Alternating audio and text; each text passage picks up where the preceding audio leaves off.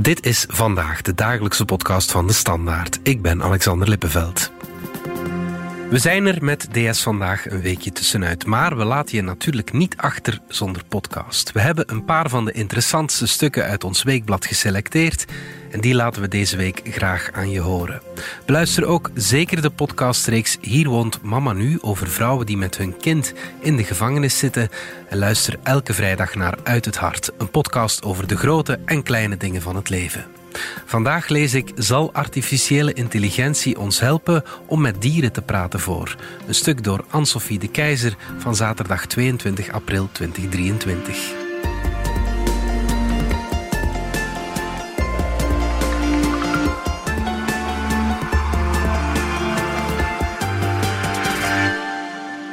We delen onze planeet met zo'n 8 miljoen diersoorten en we vatten de taal van slechts één, het dier mens.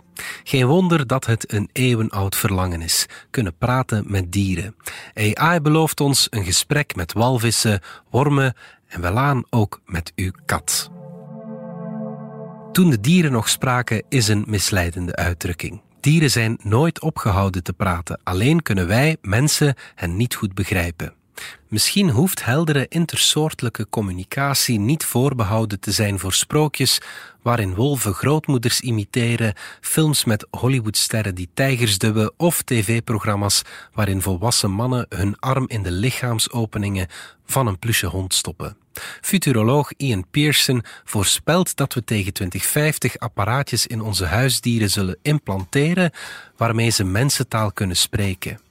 Biologen en linguisten maken zich sterk dat we in de nabije toekomst kips onder de knie hebben, een gesprekje met de walvis kunnen aangaan en aan onze kat vragen hoe ze zich voelt en wat ze nu echt van ons denkt.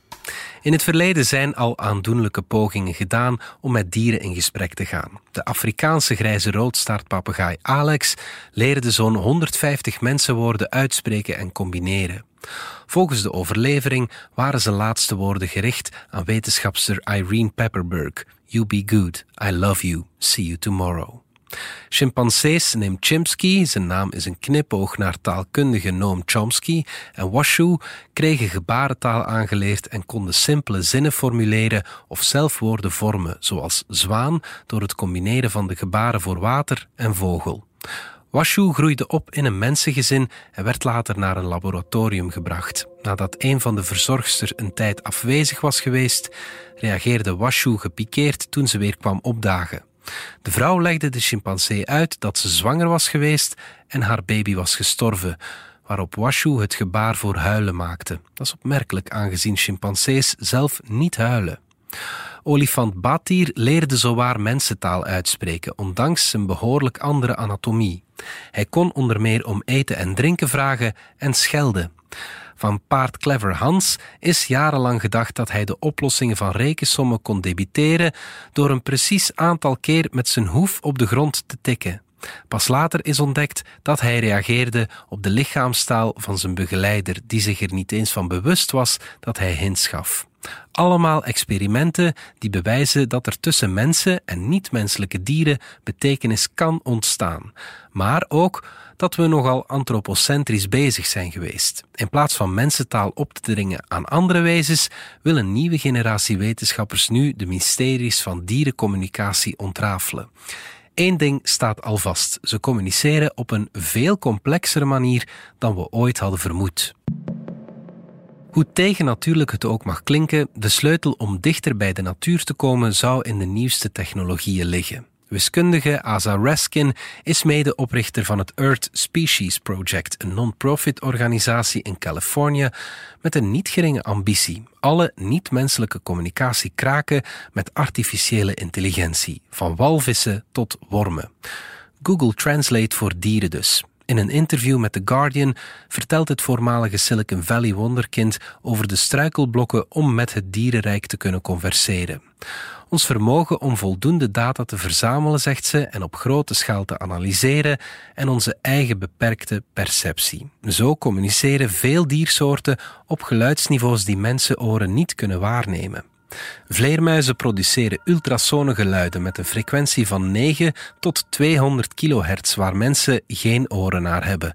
En olifanten maken net infrasoneklanken die een te lage frequentie van 1 tot 20 hertz hebben voor het menselijk gehoor, dat een bereik van zo'n 20 hertz tot 20 kilohertz heeft. Olifanten kunnen elkaar zo boodschappen sturen op kilometers afstand. De beperkingen van ons gehoor kunnen nu worden gecompenseerd door een wereldwijd netwerk van elektronische oren en slimme sensoren. Van op de Noordpool tot in het Amazonewoud, van op de bodem van de diepste oceanen tot de toppen van de hoogste bergen, op de ruggen van schildpadden tot die van bijen. Overal plaatsen wetenschappers uiterst kleine en lichte digitale recorders om te luistervinken over de hele planeet, zonder dat mensen de natuurlijke gang van zaken verstoren. Met hun observaties kan dag en nacht opgenomen worden.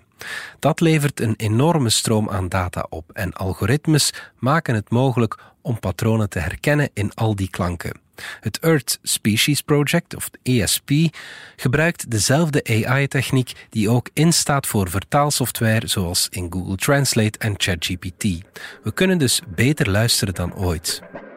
Het doel van de wetenschappers is achterhalen in welke omstandigheden dieren communicatiesignalen uitsturen, hoe de ontvangende dieren reageren en welke signalen relevant zijn en tot actie leiden.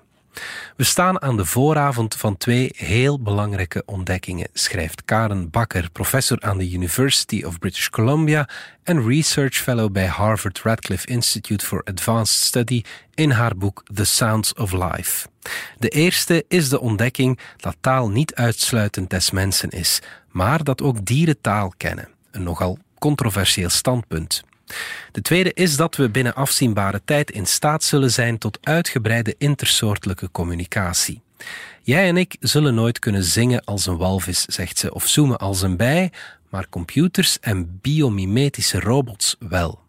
Praten met vleermuizen, bijen, walvissen of vogelbekdieren via computers en chatbots dus, in dierentaal. Bakker is er van overtuigd. Die conversaties zullen ons dwingen onze relatie met andere soorten te herdenken.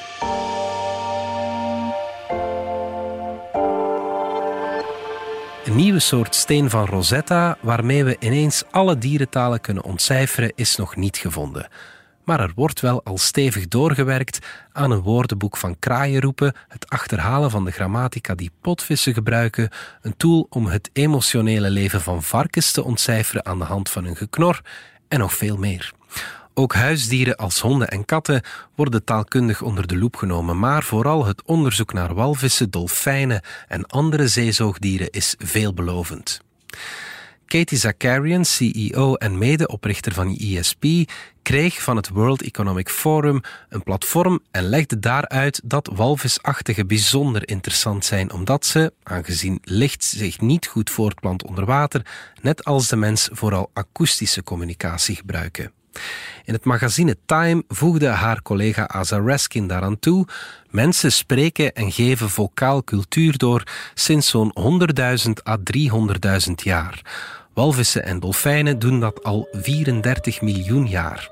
Stel je voor wat een wijsheid er kan liggen in culturen die al 34 miljoen jaar bestaan. Krijg er kippenvel van, zegt Raskin. Bij project SETI, Cetacean Translation Initiative, denken ze er net zo over. Die groep marinebiologen, AI-experts, taalkundigen, data-analisten, robotica-specialisten en cryptografen hebben verschillende onderwater afluisterstations geïnstalleerd. Daar blijft het niet bij. Ze gebruiken ook drones met hydrofonen. Dat zijn toestellen die elektriciteit omzetten in geluid en omgekeerd. Dingen als robotvissen die tussen de walvissen zwemmen, weersensoren en andere contextuele data.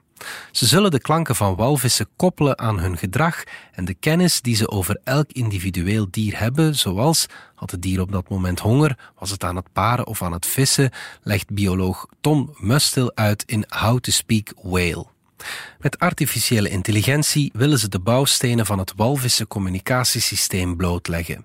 Ze zullen ook zelf walvisgeluiden afspelen om te kijken hoe de dieren reageren en te checken of hun hypotheses stand houden. Uiteindelijk willen de wetenschappers via chatbots een wederkerig gesprek aangaan. tegen 2026 willen ze in staat zijn om ideeën en ervaringen te kunnen uitwisselen tussen mens en walvis. Mustil vergelijkt het graag met de uitvinding van de moderne microscoop en microbiologie door Antonie van Leeuwenhoek in de 17e eeuw. Die revolutionaire vergroottechniek onthulde wat het blote oog niet kon zien en gaf de gebruiker bovenmenselijke krachten. Sinds we weet hebben van het bestaan van een microscopische wereld, zijn we anders gaan leven. Met het ontcijferen van de natuur kunnen we ook een onzichtbaar ecosysteem blootleggen. Big data meets big beasts. Niet iedereen is even enthousiast. Andrea Ravignani, dat is de groepsleider vergelijkende bioacoustiek aan het Max Planck Instituut voor Psycholinguïstiek en professor aan de Aarhus Universiteit in Denemarken. En hij noemt het Earth Species Project een groot streven, maar een utopie. Hij gelooft niet dat dierencommunicatie één op één te vertalen is naar menselijke taal. Om te beginnen, zegt hij, zou ik de communicatiesystemen van dieren nooit taal noemen. Taal is een menselijk vermogen. Taal bestaat uit veel componenten, zoals syntaxis, een arbitraire toewijzing van betekenissen aan klanken, functie enzovoort. Dat zijn als het ware de Lego-blokjes die samen taal vormen. Als we naar andere diersoorten kijken, zien we in hun communicatiesysteem dat elk Lego-blokje uit het menselijke brein in tenminste één andere soort wordt teruggevonden. Er zijn dus wel degelijk parallellen tussen onze communicatiesystemen, maar het hele pakket Lego-blokjes is puur menselijk. Daarom lijkt me zo'n universele vertaalmachine onbereikbaar. Het is appelen met peren vergelijken. Sommige dieren communiceren met geur, andere met elektriciteit. Hoe ga je dat vertalen? werpt Ravignani nog op, om nog maar te zwijgen over haringen die met elkaar praten door scheten te laten. Dat maakt Ravignani niet minder geïnteresseerd in hoe boodschappen in het dierenrijk worden overgebracht. Hij maakt de klankopnames en doet niet-invasieve experimenten bij dieren om te achterhalen wat de oorsprong is van mensentaal en hoe en waarom ons communicatiesysteem zo is geëvolueerd. Hij werkte dit jaar al met honden en met lamantijnen. Soms zit hij in het veld vogels te bestuderen en van tijd tot tijd legt hij al eens een primaat in de MRI of EEG-scanner. In het verleden werkte hij aan het AI-lab van de Vrije Universiteit Brussel, waar hij tot zijn verbazing ontdekte dat zeehonden tot de dichtst bij ons staande dieren behoren die klanken kunnen leren en dus niet primaten. Zoek Hoover eens op op YouTube, de pratende zeehond, zegt hij. Je kunt hem horen zeggen: Get out of there, come over here. Ravignani stelt dat het grootste deel van mensentaal aangeleerd is. Je beheerst niet automatisch Vlaams omdat je hier geboren bent, zegt hij, terwijl dierlijke communicatiesystemen doorgaans wel aangeboren zijn. Als je als chimpansee geboren wordt, zal je dezelfde signalen produceren als je soortgenoten, zonder dat zij je dat aanleren. Ook dat verschil is een cruciale hindernis bij het vertalen, maar zeehonden leren dus, net als baby's, klanken aan. Alvast enkele verdiensten van ISP. De onderzoekers ontdekten dat vleermuizen hun kinderen namen geven en dat ze vaak ruzieën over wie het voedsel krijgt. Moeders brabbelen tegen hun vleermuiskinderen zoals mensen dat doen tegen baby's en vaders leren hun zonen vleermuisliedjes en dialecten aan. Walvissen zingen liefdesliederen van wel twintig uur lang.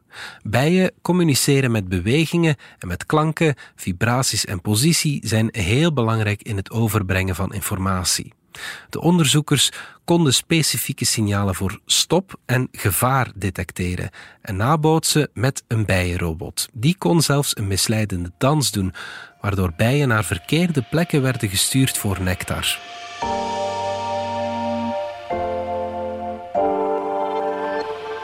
Als een leeuw kon spreken, dan zouden we hem niet verstaan. Zo luidt een bekende uitspraak van de filosoof Ludwig Wittgenstein.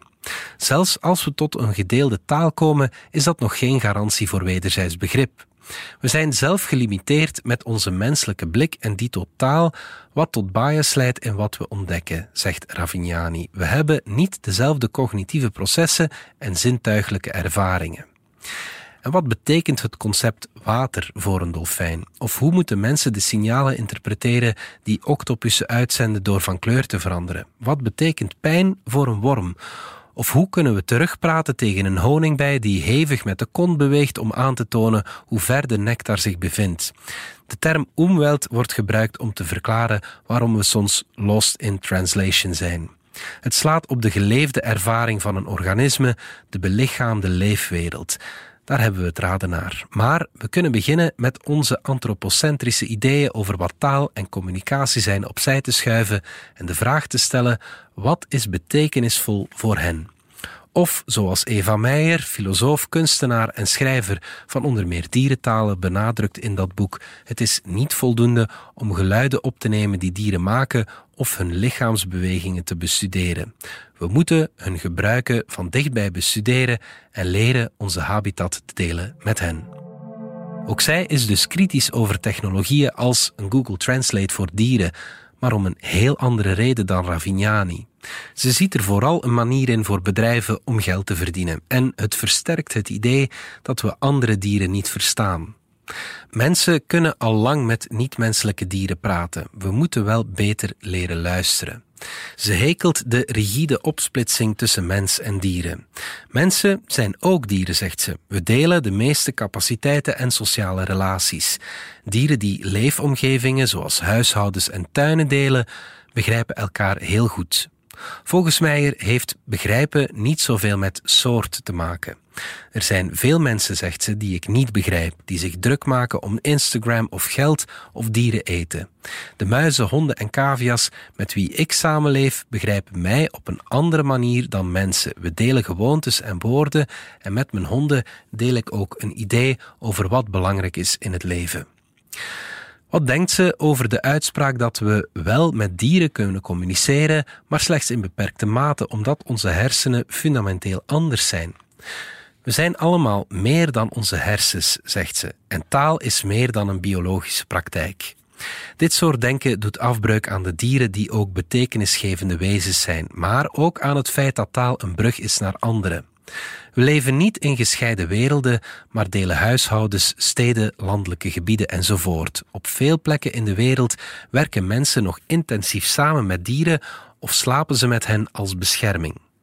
Meijer pleit ervoor om na te denken over meersoortige talen of taalspelen. Die bestaan overigens al. Zo zijn honden gaan blaffen om met mensen te communiceren en praten katten en koeien heel anders tegen mensen dan tegen soortgenoten. En wel ja, ook mensen praten soms heel anders tegen hun huisdier dan tegen hun medemens. Meijer maakt deel uit van een groeiende groep academici die op zoek is naar nieuwe manieren van omgaan tussen mensen en andere dieren. Van het lijstje met zaken waar alleen mensen toe in staat zijn, moeten we steeds meer schrappen. Emoties, empathie, grammatica, verliefd worden, rouwen, cultuur, het is inmiddels allemaal ook bij dieren teruggevonden.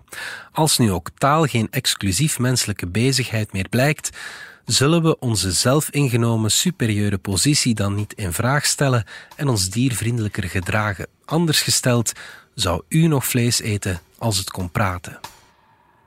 Asa Raskin voelt zich in elk geval geïnspireerd door Roger Payne, de man die ons in de jaren 70 opscheepte met het album Liederen van de Bultrug. Het geluid was overigens afkomstig van spionerende microfoons die tijdens de Koude Oorlog Russische duikboten moesten detecteren. Payne dacht dat als hij de mensheid het gezang van de majestueuze dieren kon laten horen, hij meer compassie voor de bedreigde soort kon oproepen. Met succes. In 1986 werd commerciële walvisvangst internationaal verboden, waarna de populatie exponentieel toenam. Volgens Bakker zullen de doorbraken in intersoortelijke communicatie ertoe leiden dat mensen hun plaats op deze planeet beter leren kennen en dus wat gas terugnemen.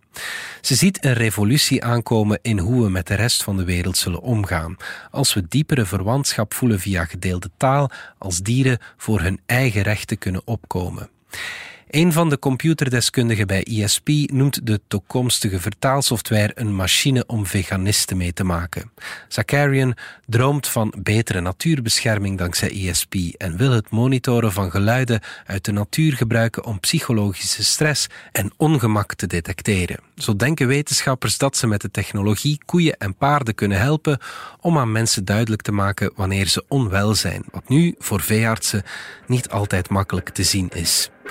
Maar Meijer ziet het minder rooskleurig. Mensen weten nu al heel goed, zegt ze, dat dieren ernstig lijden in de vee-industrie, laboratoria, huishoudens door verveling enzovoort. Dierentaalonderzoek laat zien dat het erger is dan we dachten, dat ze meer begrijpen en er sterker onder lijden.